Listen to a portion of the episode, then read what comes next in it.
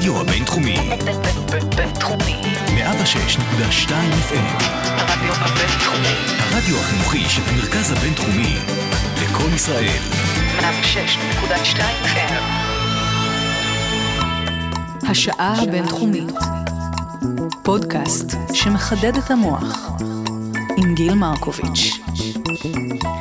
שלום שלום, הרדיו הבינתחומי, 106.2 FM, הנה עוד תוכנית אקדמית uh, מתחילה לה כאן. אני uh, תמיד שמחה להיות באולפן, והפעם איתי דוקטור דניאל לוי, חוקר מוח ופסיכולוג קוגניטיבית, מומחה לזיכרון אנושי, מרצה כאן במרכז הבינתחומי בבית הספר לפסיכולוגיה, שלום שלום. אני מאוד שמחה שאתה uh, הגעת אליי לאולפן, כי אנחנו, אתה דן בכל מיני סוגיות מאוד מעניינות. שיש בהם הרבה באמת שאלות פילוסופיות, ואנחנו באמת נעמיק בהן בשעה הקרובה. וזה לא מובן מאליו כש, כשבן אדם נושא בעצם את הכותרת פסיכולוג קוגניטיבי, כן, או מתעסק בפסיכולוגיה קוגניטיבית, אז זה לא מובן מאליו שיהיו כל מיני שאלות פילוסופיות כרוכות בתוך המחקר, אה, וזה מרתק. אז אה, איך אתה הגעת לשילוב הזה, לשאלת השאלות האלה בתוך התחום התמחות שלך? כן, אז האמת שאני הגעתי בדיוק מהכיוון השני. Uh, התחלתי מתוך עניין פילוסופי להבין את התודעה האנושית ואת מבנה הידע שלנו ואיך החשיבה שלנו פועלת. כן. ואחרי הרבה מאוד עיון בסוגיות הפילוסופיות, הבנתי שכדי ממש להבין את הדברים הללו, אנחנו זקוקים למידע אמפירי. והייתי אז סטודנט באוניברסיטה העברית בירושלים, uh-huh. וחציתי את הפורום, מה שנקרא, ממדעי הרוח למדעי החברה, ונכנסתי לעולם של פסיכולוגיה, ואני שם עד היום. כן, וואו, וזה היה בתואר הראשון שלך? זה היה בהקשר של אה, לימודים שאני לומד לאורך כל החיים. אוקיי, okay, לימודים לאורך כל החיים, זה, זה נשמע טוב, נשמע מתכון טוב. אה, אמ, אוקיי, okay. ואז בעצם עשית את המעבר הזה, אתה אומר שזה מעבר שבדרך כלל אה, הוא חריג בנוף, או שקורה?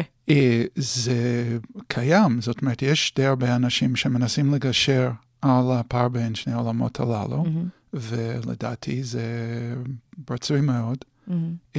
לא כל אחד עסוק בשאלות הפילוסופיות, אבל מי שכן, אז הפרספקטיבה מהעולם של פסיכולוגיה וחקר המוח ודברים כאלה, יותר ויותר נכנס לתוך עולם הפילוסופיה, מכריח פילוסופים להתמודד עם הידיעות שלנו mm-hmm. אודות המוח האנושי אה, בהתייחסותם לשאלות פילוסופיות קלאסיות. כן, ואני רואה שלפעמים אתה מערב ככה, ממה שאני קראתי לקראת המפגש שלנו, לפעמים אתה אפילו מערב איזה שהם, אה, את המילה ביולוגיה, כן? אתה מכניס אה, את המילה ביולוגיה לתוך הכתיבה, והשאלה שלי אם באמת כדי לדון באותן שאלות פילוסופיות, אתה לפעמים נדרש בעצמך לחפש אפילו ממצאים, לא בהכרח מהעולם של פסיכולוגיה, אלא אפילו ככה... לפעמים נוטה וגולש לעולם הביולוגיה כדי למצוא ממצאים אה, וגם איתם ובעזרתם לדון. כן, בוודאי, כי בסופו של דבר, בשורה האחרונה, כל מה שקשור להוואי האנושי mm-hmm. הוא ביולוגי. זה יכול להיות ברמת המוח, זה יכול להיות ברמת uh, מערכות אחרות בגוף שלנו, זה קשור מאוד לגנטיקה, איך כן. uh, אנחנו נהיים, מי שאנחנו. כן. אז uh, בהחלט כל תחום ביולוגי רלוונטי לשאלות אנושיות.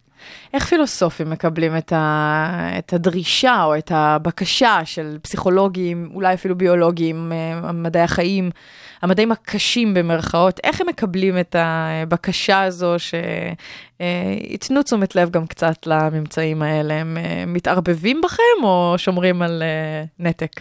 אז uh, קודם כל זה עניין מאוד אישי. כן. יש אנשים שגמישים יותר בדרכי המחשבה שלהם ומסתגלים למציאות החדשה. Mm-hmm. אני חושב שאצל הדור הצעירים של פילוסופים, זה נדיר מאוד למצוא מישהו שיתכחש לצורך להתחשב בנתונים מפסיכולוגיה, חקר המוח, ביולוגיה, דברים כאלה, mm-hmm. בכל מה שקשור לשאלות. שעוסקות באופי אנושי. כן. מהאנשים שגדלו או צמחו בתוך הדיסציפלינות המסורתיות יותר, אז יש מין התנגדות כזאת שטוענת, אה, מדובר בשני עולמות שונים ו, ואין קשר ביניהם. לדעתי הטענה הזאת מופרכת. Mm-hmm.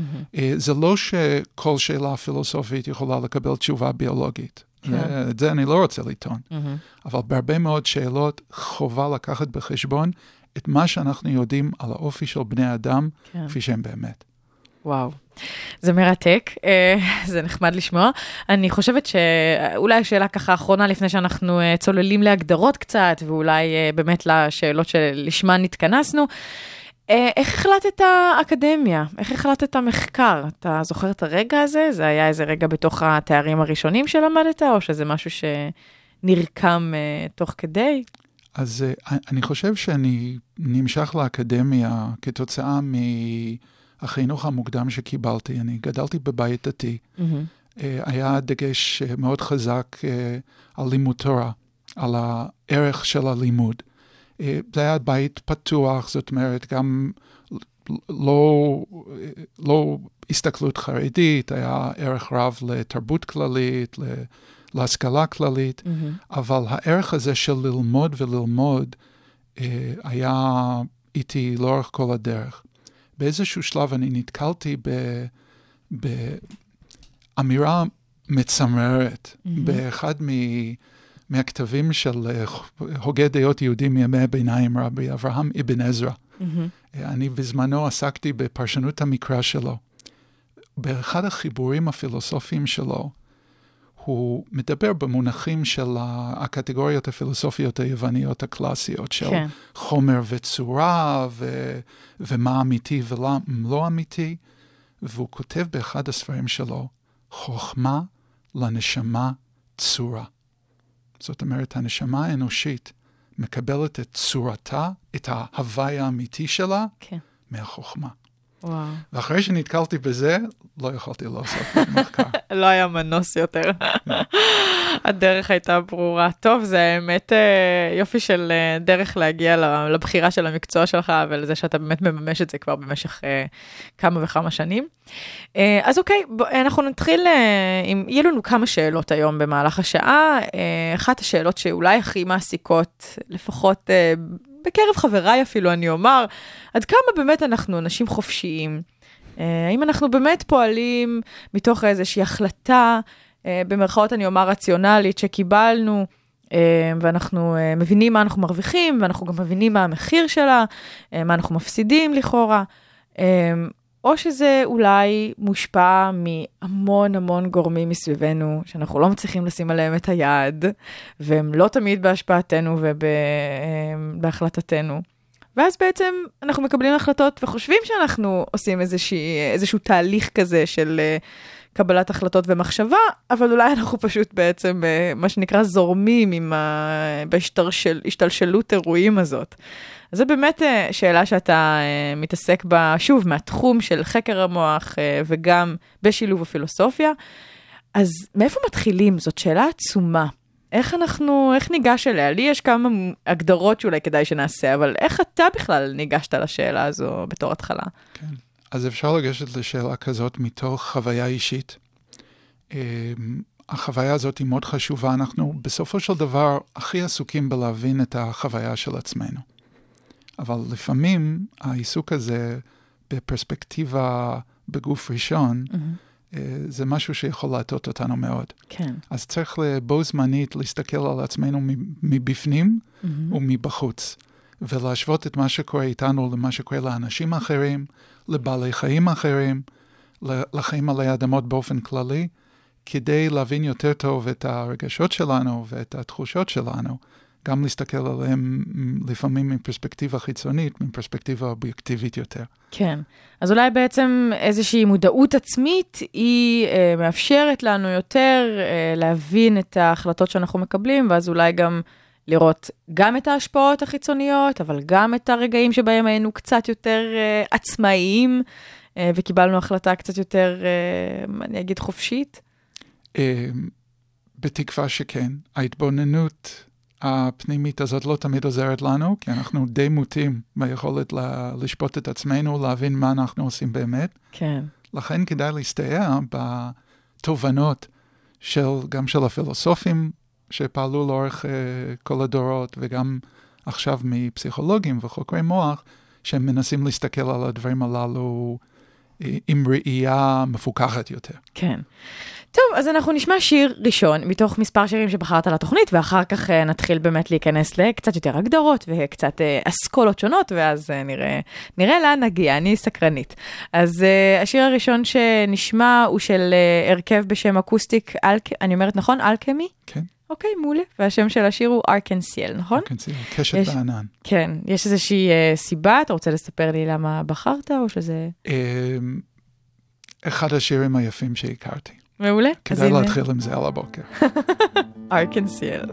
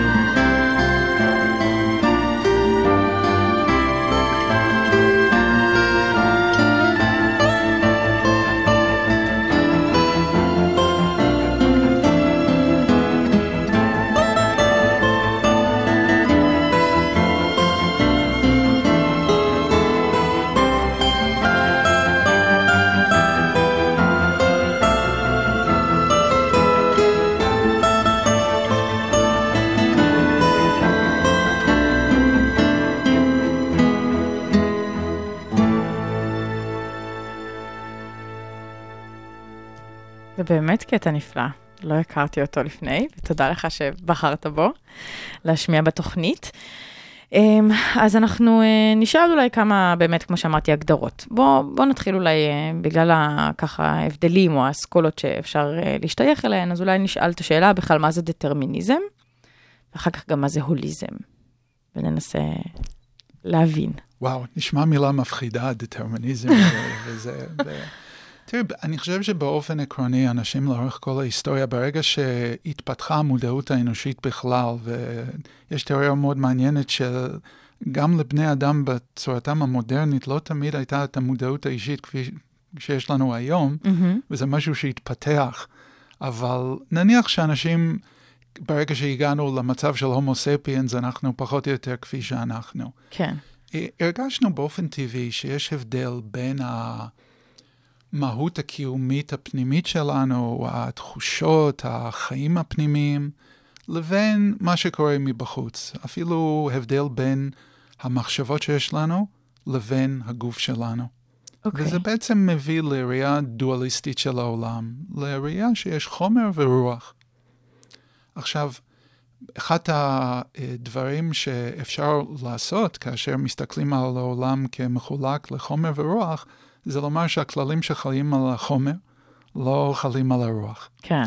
וגם אם אנחנו רואים שבעולם סביבנו יש דטרמיניזם, יש סיבתיות, שאנחנו מדליקים גפרור ומציתים אש, אנחנו זורקים אבן ועושה אדווה בשלולית כן. וכולי וכולי, אז אנחנו יכולים להגיד, זה מה שקורה עם חומר, זה מה שקורה עם עצמים.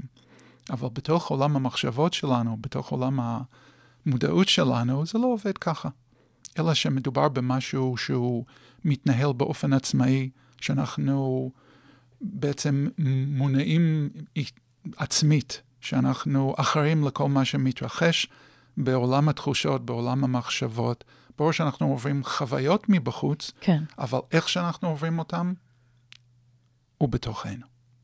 אז פה אנחנו מבחינים בין הדטרמיניזם שרוב האנשים בעולם אה, מוכנים לקבל כהסבר מניח את הדעת של מה שמתרחש סביבנו, לבין כלומר, איזושהי סיבתיות. סיבתיות כללית. מהמם. כן. אז אומרים, זה טוב לכל אחד אחר, אבל לא לי. כן. אוקיי, אז הם לא משליכים את זה רק על חומרים מסביבם, הם משליכים את זה גם על, על אנשים ומעשים של אנשים מסביבם. כן, אני, אני אוקיי. חושב שרוב האנשים שמאמינים, נגיד, אה, ב- באלטרנטיבה לטרמיניזם, שזה חופש הרצון, מה שנקרא, מוכנים להגיד שזה לא רק הם, אלא גם אנשים אחרים כן, הם כמותם. כן. אוקיי, אז יש את, ה, את הגישה הזו, ויש בעצם איזושהי הסתכלות אחרת שאומרת ש... הגישה אה, הדטרמיניסטית יותר אומרת שבעצם אנשים הם לא שונים מכל דבר אחר שקיים ביקום. מהמם. כמו שסיבתיות משפיעה על אבנים ועל אה, נמלים ועל אה, כלבים, מהמם. אה, משפיע גם עלינו.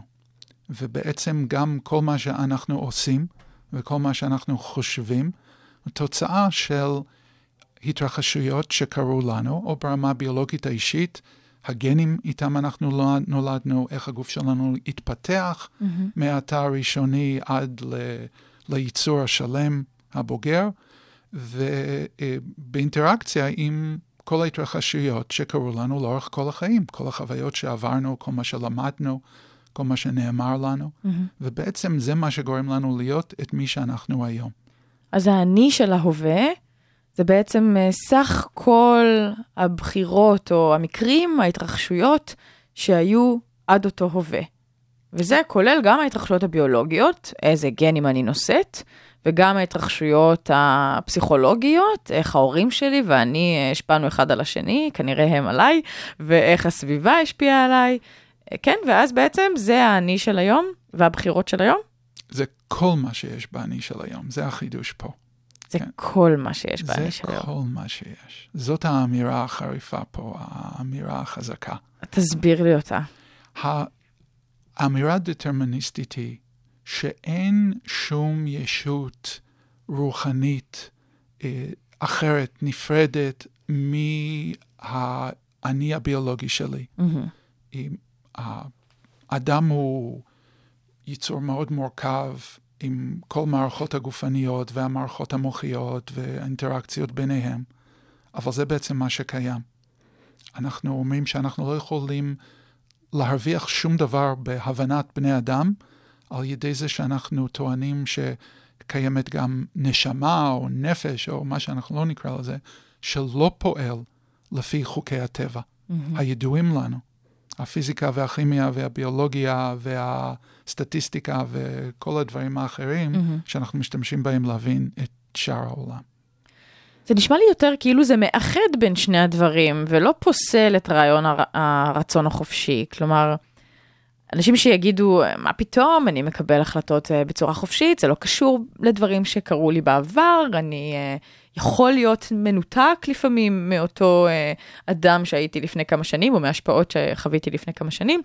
זה לא נכון, זאת אומרת, במקום לקחת את הגישה הזאת ולנתק, זה נשמע לי שהתשובה הזאת, שזה כל מה שיש אה, באדם, בעצם אה, סוג של מאחדת את הדברים. היא אומרת, נכון, יש רצון חופשי, הוא מתקיים בתוך השדה הזה, ש... השדה המורכב הזה, ש... שלא צריך להקל בו, את... להקל בו ראש, ומתוך השדה המורכב הזה של כל מה שהאדם כולל, שם נלקחות ההחלטות. השאלה, האם אותם אנשים שמתעקשים על הרצון החופשי שלהם והמנותק והעצמאי, אם הם לא רואים בזה צמצום של האפשרויות שלהם. בוודאי, כי אנחנו כולנו סולדים מהמחשבה שמישהו אחר ישלוט בהחלטות שלנו. אה, גם אם זה אדם מסוים אחד, או חברה, או איזושהי מערכת אה, של אה, אה, מקורות מידע כן. ואיזושהי קנוניה בינלאומית כן. שמנסה להשתלט. לוויתן. כן, כזה. אז אנחנו לא אוהבים את זה, אנחנו לא אוהבים את המחשבה שאנחנו לא חופשיים לפעול אה, כטוב בעינינו בשביל מה שטוב לנו. אנחנו לא אוהבים כן, להיות נשלטים על ידי אחרים. ומהתחושה המאוד בסיסית הזאת, שהיא מאוד בריאה, כן? לא לעבור ניצול על ידי מהמם. אנשים אחרים או גורמים אחרים, אלא תמיד לבקר את, ה, את העדפות האישיות, כן, כן? במובן של לתת להם בכורה. כן, כן. אז זה הנטייה הטבעית שלנו. והאנשים בדרך כלל, אני חייב להגיד שרוב האנושות מרגישה שהם לא נותנים רק, זה לא שהם רק לא נותנים לאנשים אחרים להשתלט עליהם, הם גם לא רוצים להודות שהאירועים שאירעו אותם בעבר, כן, הם בעצם שולטים במי שהם היום. אהה, ואיך הם חושבים ופועלים היום. והטענה שלי, הקצת חזקה, היא שזה כל מה יש. וואו, אוקיי, באמת צריך להסתגל לזה.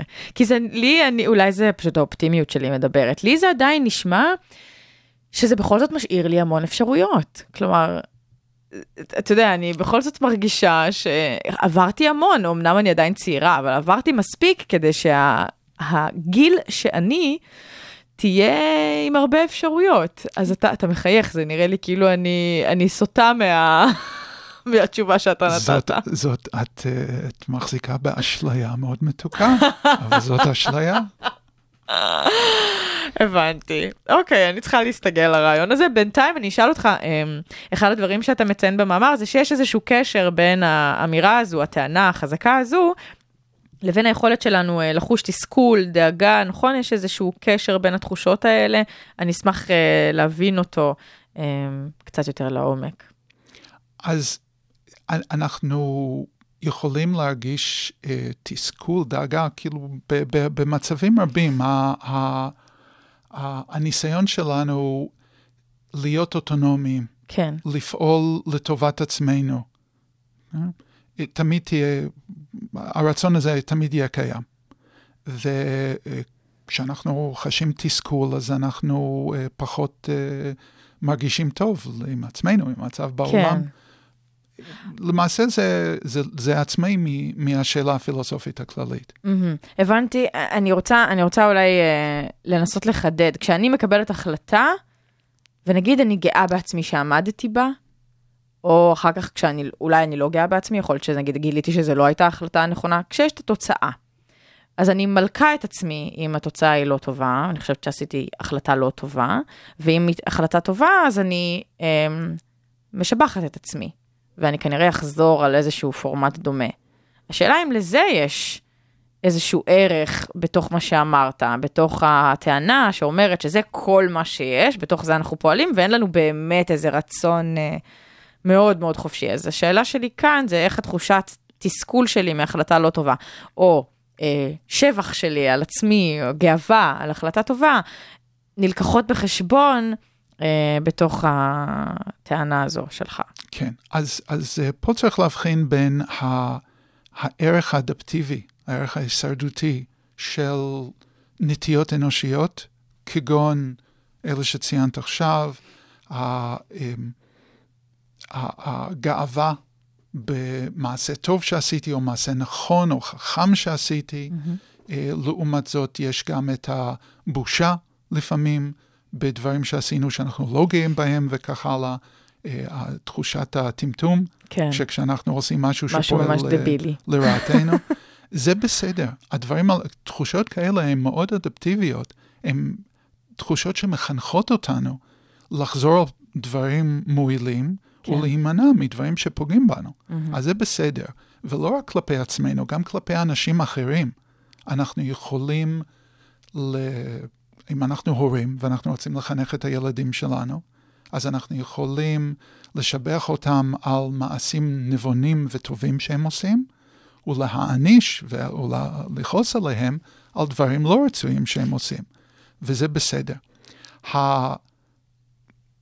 הטעות פה כן. היא לחשוב שיש פה מידה של אה, נגיד צדק, או, או מ- שעומד מאחורי השיפוטים הללו. הבנתי. כי בעצם יש הבדל בין לאותת שהתנהגות הייתה נכונה, מועילה, טובה, מהמם. לבין להגיד שהסיבה שאנחנו מאותתים בחיוב, זה בגלל שאנחנו חושבים שאנשים יכלו לעשות אחרת והם, והם. ובכל זאת עשו ככה. או, זה מורכב. אוקיי, הבנתי אבל. אני רוצה לנוח עם עוד שיר, ואז אנחנו נחזור. אמ, אה, אז הפעם זה בקיאנס, נכון? ברסילריאס. כן, אמרתי נכון? של לורנדו אלמדה על מוטי. כן. אז הנה, אנחנו נשמע את זה, ואנחנו אה, תכף נחזור.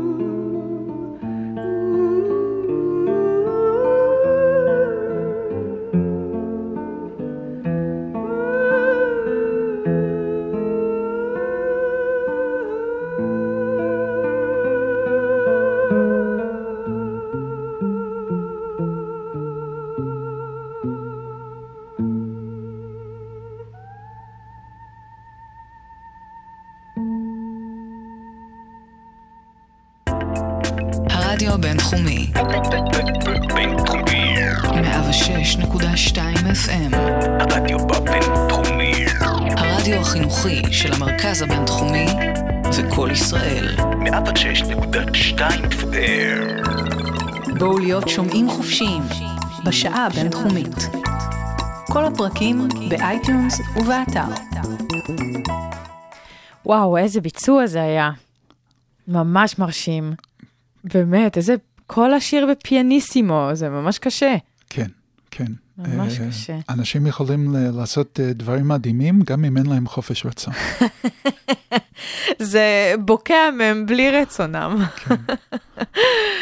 טוב, זה נקודה אופטימית גם uh, מעניינת להסתכלות. Uh, רציתי לשאול אותך, עלו לי, uh, יש לי המון שאלות כתובות, אבל uh, תוך כדי שאני מאזינה לשירים שבחרת, עולות לי שאלות קצת אחרות, אז תסלח לי מראש. אבל uh, מוזיקה זה חלק uh, מהחיים שלך, אתה מקדיש לזה הרבה זמן, אתה בעצמך מוזיקאי. לצערי, אני לא מוזיקאי בעצמי. זה אחד הכישלונות שלי בחיים, אבל כנראה שלא נועדתי לכך. ו... ו...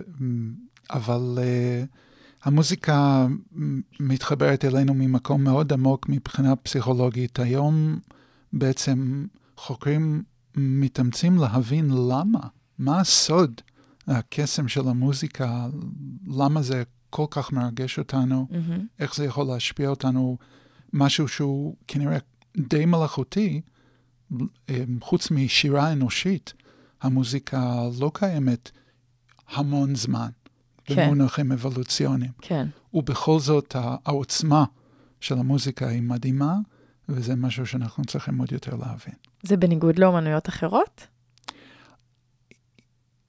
היא שונה. היא שונה. אני שונה חושב מהאומנויות אחרות. שהמערכת התחושות שלנו בהקשר מוזיקלי שונה מחוויות אה, מאוד אה, מרוממות רוח שאנחנו יכולים לחוות מיצירה של אומנות פלסטית, מציור או צילום או סרט. זה, זה אחרת. אוקיי. אני, אני אישית מסכימה, אבל אה, זאת בהחלט שאלה מעניינת לדון בה. אה, אז עוד אה, אחד מהדברים שיכולים לתת לנו דוגמה טובה למתי אנחנו חושבים שאנחנו מקבלים איזושהי החלטה אה, שיש לה איזשהו ערך והיא נובעת מאיזשהו באמת צדק או אה, כל ערך אחר שאנחנו אה, רוצים לממש במציאות. עוד דוגמה טובה כזאת אה, זה ענישה.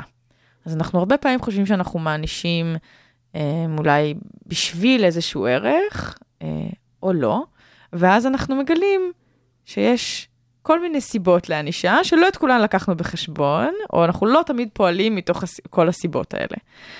עכשיו, זו דוגמה מעניינת, כי אתה במאמר שלך מסביר שגם סדרים חברתיים, התנהגויות חברתיות, יש להן אה, מקור באבולוציה, זאת אומרת, בהיותנו איזשהו, אה, כן, אמרת מקודם הומו ספיאנס, אה, פריט בתוך חברה.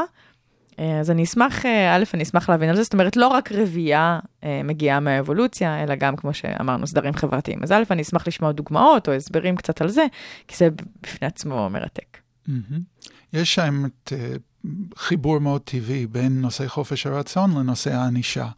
אחת הסיבות שאנשים רוצים לטעון לחופש הרצון, אה, הוא שאם אה, הם טוענים שאם אנחנו לא נראה אנשים כאחראים למעשיהם מעבר לכל ההשפעות החיצוניות עליהם, איך אנחנו נעמיד אותם לדין? איך אנחנו נבקש מהם להיות אחראים, אם הם לא אחראים. כן. אז בעצם אחד הדברים שאני מנסה להגיד זה שלא, אנחנו לא יכולים להעניש על סמך ההנחה שאנשים היו תמיד יכולים לעשות אחרת ממה שהם עשו, גם אם התנהגו בצורה מסוימת מכיוון שהם נולד, נולדו עם גנים מסוימים והם גדלו בסביבה מסוימת, עברו חוויות אולי קשות שעיצבו אותם בצורה מסוימת שהביאו אותם למעשה אווילי כזה או אחר. כן. זה לא אומר שאנחנו לא יכולים להעניש אותם, אבל זה כן אומר שאנחנו צריכים ראייה אחרת או הסתכלות אחרת על הענישה ו- ומה היא יכולה או לא יכולה להשיג בהקשרים חברתיים שונים. כן. שזה באמת, אם אנחנו שוב חוזרים לחיבור עם פילוסופיה, זה באמת מאוד שונה מהרבה מאוד uh, גישות פילוסופיות שאמרו שהאדם באיזשהו שלב הבין שהוא צריך להתאגד, והוא צריך לחיות בחברה, והוא צריך לכתוב אמנה, ולאמנה הזאת צריכים להיות חוקים, uh, מה עושים כשחורגים מהסדר החברתי וכולי. אז זה באמת, uh, עכשיו, uh, אני יכולה להבין עכשיו למה פילוסוף יבוא ויאמר שזה לא משהו שהוא uh, יכול או רוצה לקחת בחשבון. Uh, באמת כי זה מערער על הרבה מאוד תפיסות יסוד כאלה בפילוסופיה, לפחות חלקן, כן, לי בראש יש את רוסו, ו, uh, שחושבים את, ה, את הדברים האלה. Um, אז נאמר ואנחנו, uh, גם את הסדר החברתי שלנו, נאמר שאבנו מהאבולוציה ומהגנים, בוא נגיד. אז מה, מה עכשיו? איזה גישות בעצם יש לענישה? מה אנחנו מספרים לעצמנו שאנחנו עושים, לעומת מה אנחנו עושים? אז אני אשמח להבין. כן, אז יש למעשה שתי משפחות גדולות של גישות מוסריות בפילוסופיה. Mm-hmm. יש את הגישה הדה-אונתולוגית, אה, הגישה של, אה, שמזוהה עם קאנט, mm-hmm. עם עמנואל קאנט, שבעצם אה, מדברת על חובות מוסריות, על, על דברים שהם נכונים באופן עקרוני, ה, ה, לא יודע איך בדיוק אומרים את זה, אבל. ה-categorical imperative של כן. קאנט. כן. הצו, הצו הקטגורי, צו לא? צו הקטגורי, כן. אולי, כן, שאסור לנו אה, להשתמש באנשים אחרים כאמצעים למטרה, אנחנו חייבים להתייחס לכל אדם כמטרה בפני עצ... כאילו עצמו, כן. וזה, וה... כל הדברים הללו. זה גם אומר שכל דבר שאנחנו, הצו הקטגורי אומר שכל דבר שאנחנו עושים, אנחנו צריכים לראות בו כדבר שאם אם עשינו אותו, זה אומר שאנחנו עומדים מאחוריו כחוק. כחוק אוניברסלי, שאנחנו אוניברסלי, מוכנים כן. שכל אחד בעולם היה פועל בדיוק באותה דרך. כן. זאת גישה מוסרית מסוימת, שבעצם, אבל מה שהכי חשוב, שבגישה הזאת יש איזושהי טענה שיש אה, מוסר אבסולוטי, צדק אבסולוטי, יש דברים שהם נכונים ויש דברים שלא נכונים, ואנחנו יכולים לכתוב אתיקה Mm-hmm. ולקבוע שיש דברים שהם מוסריים ויש דברים שלא מוסריים. כן. והמשפחה האחרת, אה, המוסרית, היא הגישה התועלתנית. Mm-hmm. כן, זאת אומרת, זו משפחה של, של גישות. ובעצם התועלתנות אומרת שבגדול, לפחות לפי הפרשנות שלי, זה שאנחנו לא באים לקבוע מה נכון או לא נכון מבחינה מוסרית ערכית אבסולוטית. אנחנו תמיד מחפשים את דרכי הפעולה המועילות ביותר כדי לקדם את העושר האנושי. Mm-hmm. ורצוי שנקדם את העושר של כולנו, כן. לא רק של, שלי על חשבון מישהו אחר. כן. אבל שמה שצריך לעניין אותנו זה איך אנחנו יכולים להשיג את אה, הטוב ביותר עבור האנשים עבור הרבים כמה יותר. שיותר. כן, כן. הבנתי. ובעוד הגישה התועלתנית, התוצאתית, כן? אה, יש לה איזשהו פני עתיד, נכון? אז לגישה של קאנט אולי יש גם איזו הסתכלות אה, שעושה פידבק גם עם העבר, גם אולי גם קצת עם העתיד. כלומר, יש פה איזה, איזה גמול, נכון? שזו ככה נקראת בעצם הגישה השנייה. כן. גמול לעומת תוצאה. אז בתוך, בתוך העולם הזה של גמול, האם יש גם נקם? אז מי שדוגל בתורה דאונטולוגית, כמו של קאנט, לצו הקטגורלי וכולי, יטען שהם לא נקמניים, שהם בעצם פועלים או מענישים בהקשר של ענישה, רק כדי לתת אה, לכל אחד את הגמול המגיע לו. אם הוא עשה עשיתי משהו, מגיע, יש מחיר לזה. כן, מה- כן. ואני לעולם לא הבנתי מה זה המגיע. מה זאת אומרת מגיע? מאיפה מגיע? איך מגיע? לדעתי שום דבר לא מגיע. ו... ואני חושב שעל הדאונטולוגים למיניהם, חובת ההוכחה שבכלל ביקום קיים קטגוריה כזאת, מגיע. כן. ובגישה שלי אנחנו צריכים באמת להסתכל קדימה, ולחשוב על כל דבר שאנחנו נעשה עכשיו, נגיד בהקשר של ענישה, לא מה קרה, אלא מה אנחנו רוצים שעכשיו יקרה. אז אולי בכלל אנחנו לא צריכים להעניש, אולי אם אנחנו רוצים שאותו אסיר, אה, אותו אה, פושע, שנגיד הורשע לפי אותם חוקים שלנו, כן, שגם, שגם על זה עכשיו צריך לדבר לאור, ה, לאור כל מה שאמרנו בשלושת רבעי שעה האחרונה, אבל נאמר ואנחנו באמת מגיעים למצב שאנחנו מרשיעים אדם לפי איזה שהם חוקי חברה מסוימים, והוא נמצא אשם באיזושהי אה, עבירה, אולי בכלל ענישה, כן, גז... אולי פסק הדין רלוונטי, אבל גזר הדין לא רלוונטי. אולי בכלל ענישה זה לא רלוונטי, אולי צריך להסביר, אולי צריך לחנך, אולי צריך אה, למצוא אנשים דומים שידברו, זאת אומרת, אני מנסה לחשוב מה הגישה התוצאתית, התועלתנית, יכולה להציע אה, כאיזו אלטרנטיבה אה, לענישה, כי אולי הענישה היא לא בהכרח תשיג את אותה מטרה של אה, עושר אנושי אה, בעוצמה גבוהה יותר לכמה שיותר אנשים.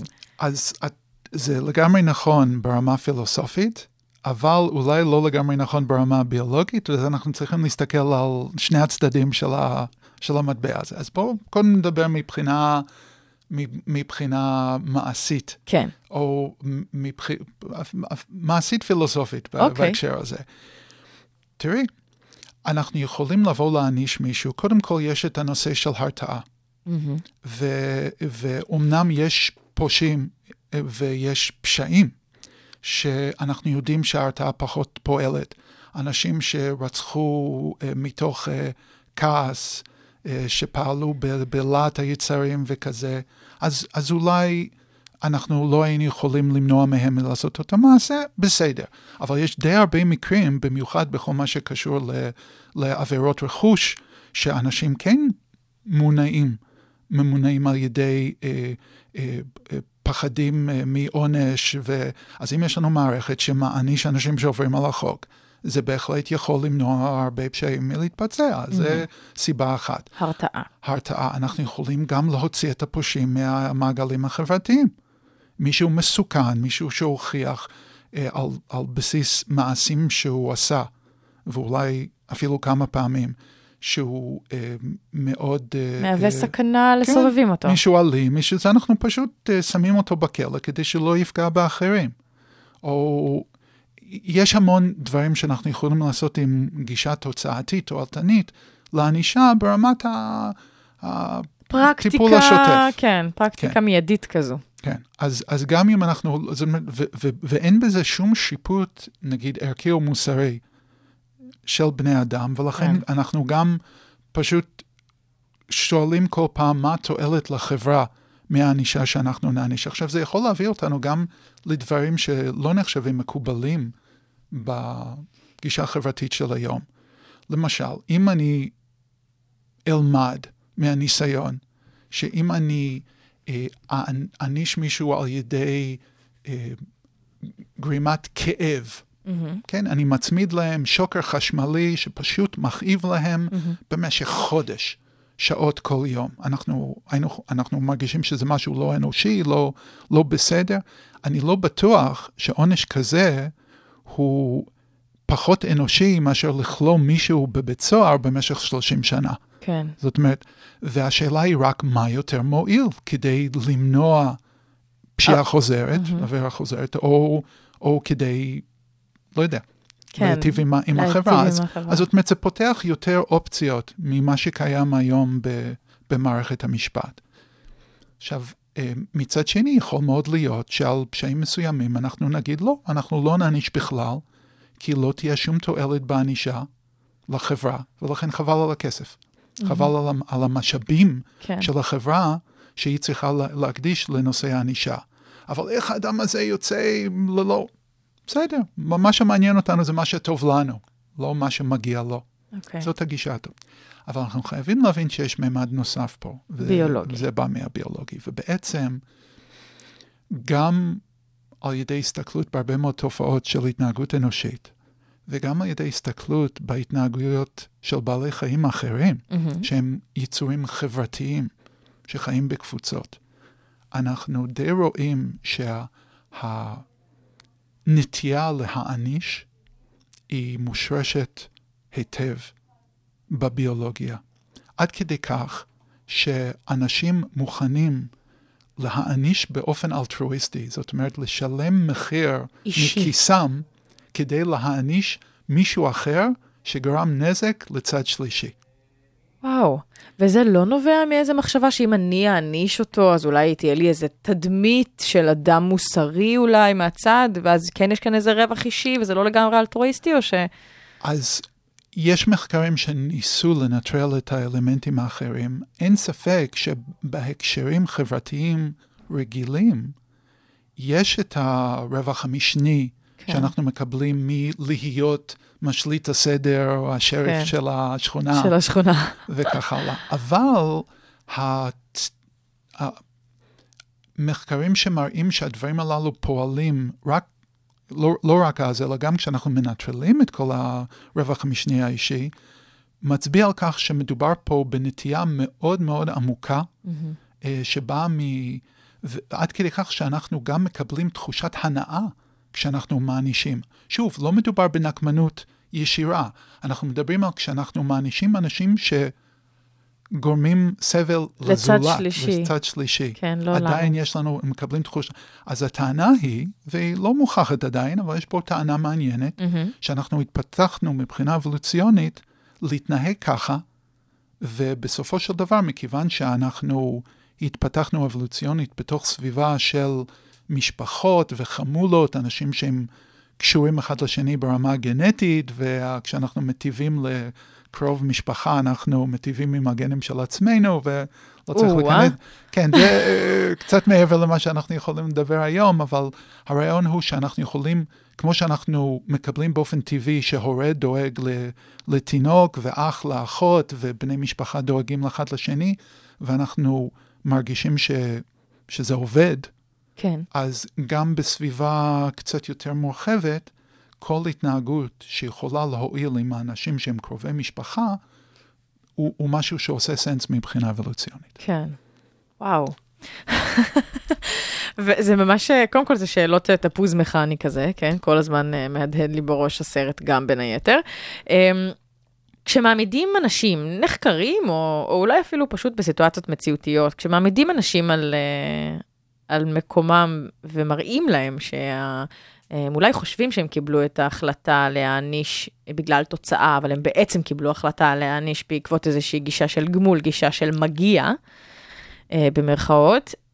הם רואים את זה, זה משהו שאפשר להכניס עליו מודעות, זה משהו שאנשים קל להם להזדהות איתו או לא, הם מוכנים להודות בזה או לא.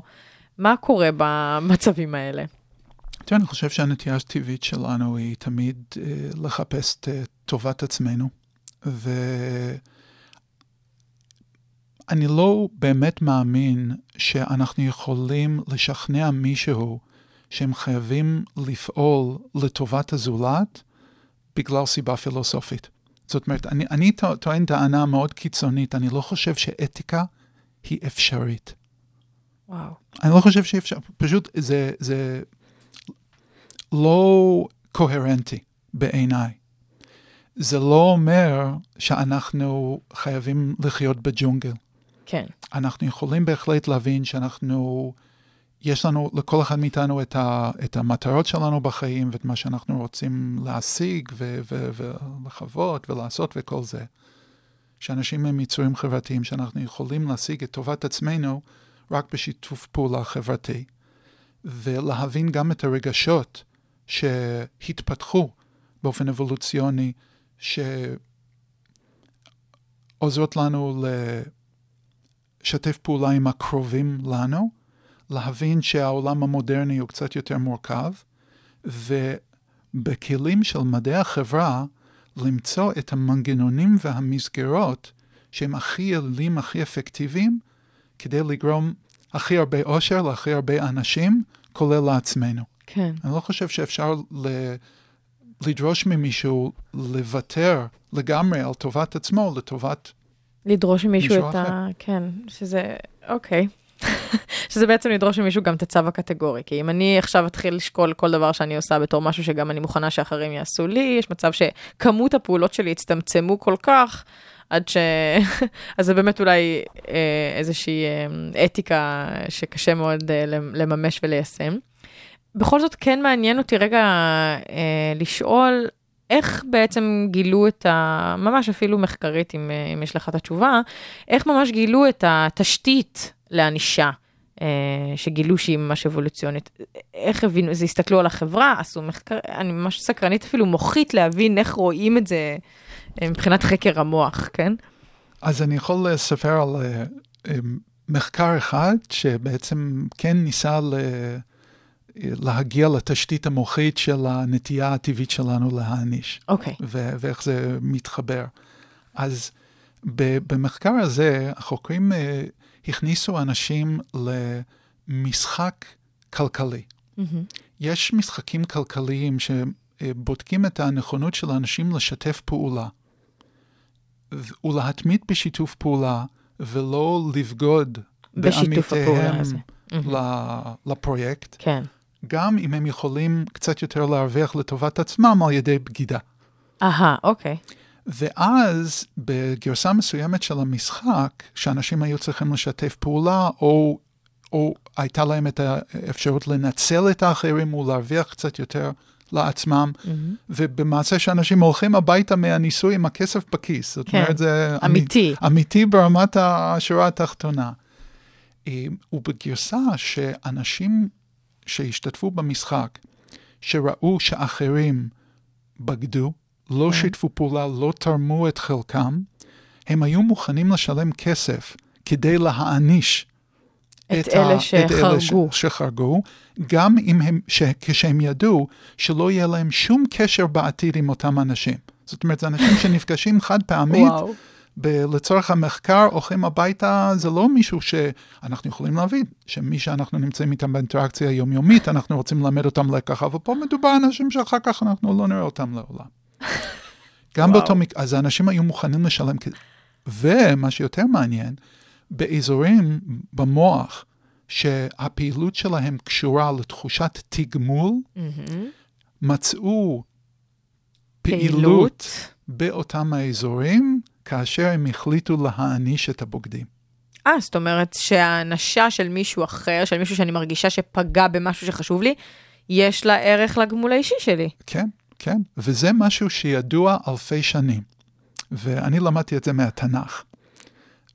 בספר משלי יש אה, פסוק מאוד אה, חביב, אה, אם אני זוכר אותו נכון, הוא אומר, בטוב צדיקים תלוץ קריה, ובעבוד רשעים רינה. וואו. בעבוד רשעים רינה. אנחנו, כן. כאילו, זהו, שהרשעים מקבלים את אה, מה את מה שמגיע שמגיע- להם, הנה עוד פעם המגיע הזה, כן? אנחנו שמחים, ששים ושמחים. וואו. טוב, אנחנו uh, הגענו לסוף השעה ואתה תצטרך לבחור מתוך שני השירים שנבחרו, שנשארו לנו, איזה אתה רוצה, עם מה אתה רוצה לסיים, עם Black Diamond או עם אורורה? אז Black Diamond אה, משדר אנרגיות. חיוביות. אה, משדר אנרגיות חיוביות, אוקיי. כן. דוקטור דניאל לוי, חוקר מוח, פסיכולוגיה קוגניטיבית, מומחה לזיכרון אנושי, הרבה תודה לך על השעה הזו, הייתה מרתקת אה, בהרבה מאוד מובנים, ואני שמחה שהגעת, אה, תודה. שמחתי להיות פה. אני גיל מרקוביץ', אתם על הרדיו הבינתחומי 106.2 FM, ואתם יכולים למצוא את כל התוכניות שלנו בפודקאסט, ב iTunes, השעה הבינתחומית, וגם במקבילות של האנדרואיד, אז אה, תעשו את זה, כי אנחנו אה, מספרים לכם הרבה ידע חשוב. אז הנה Black Diamond, בגרסה האקוסטית אגב. אנחנו נשמע את זה, ונסיים. להתראות.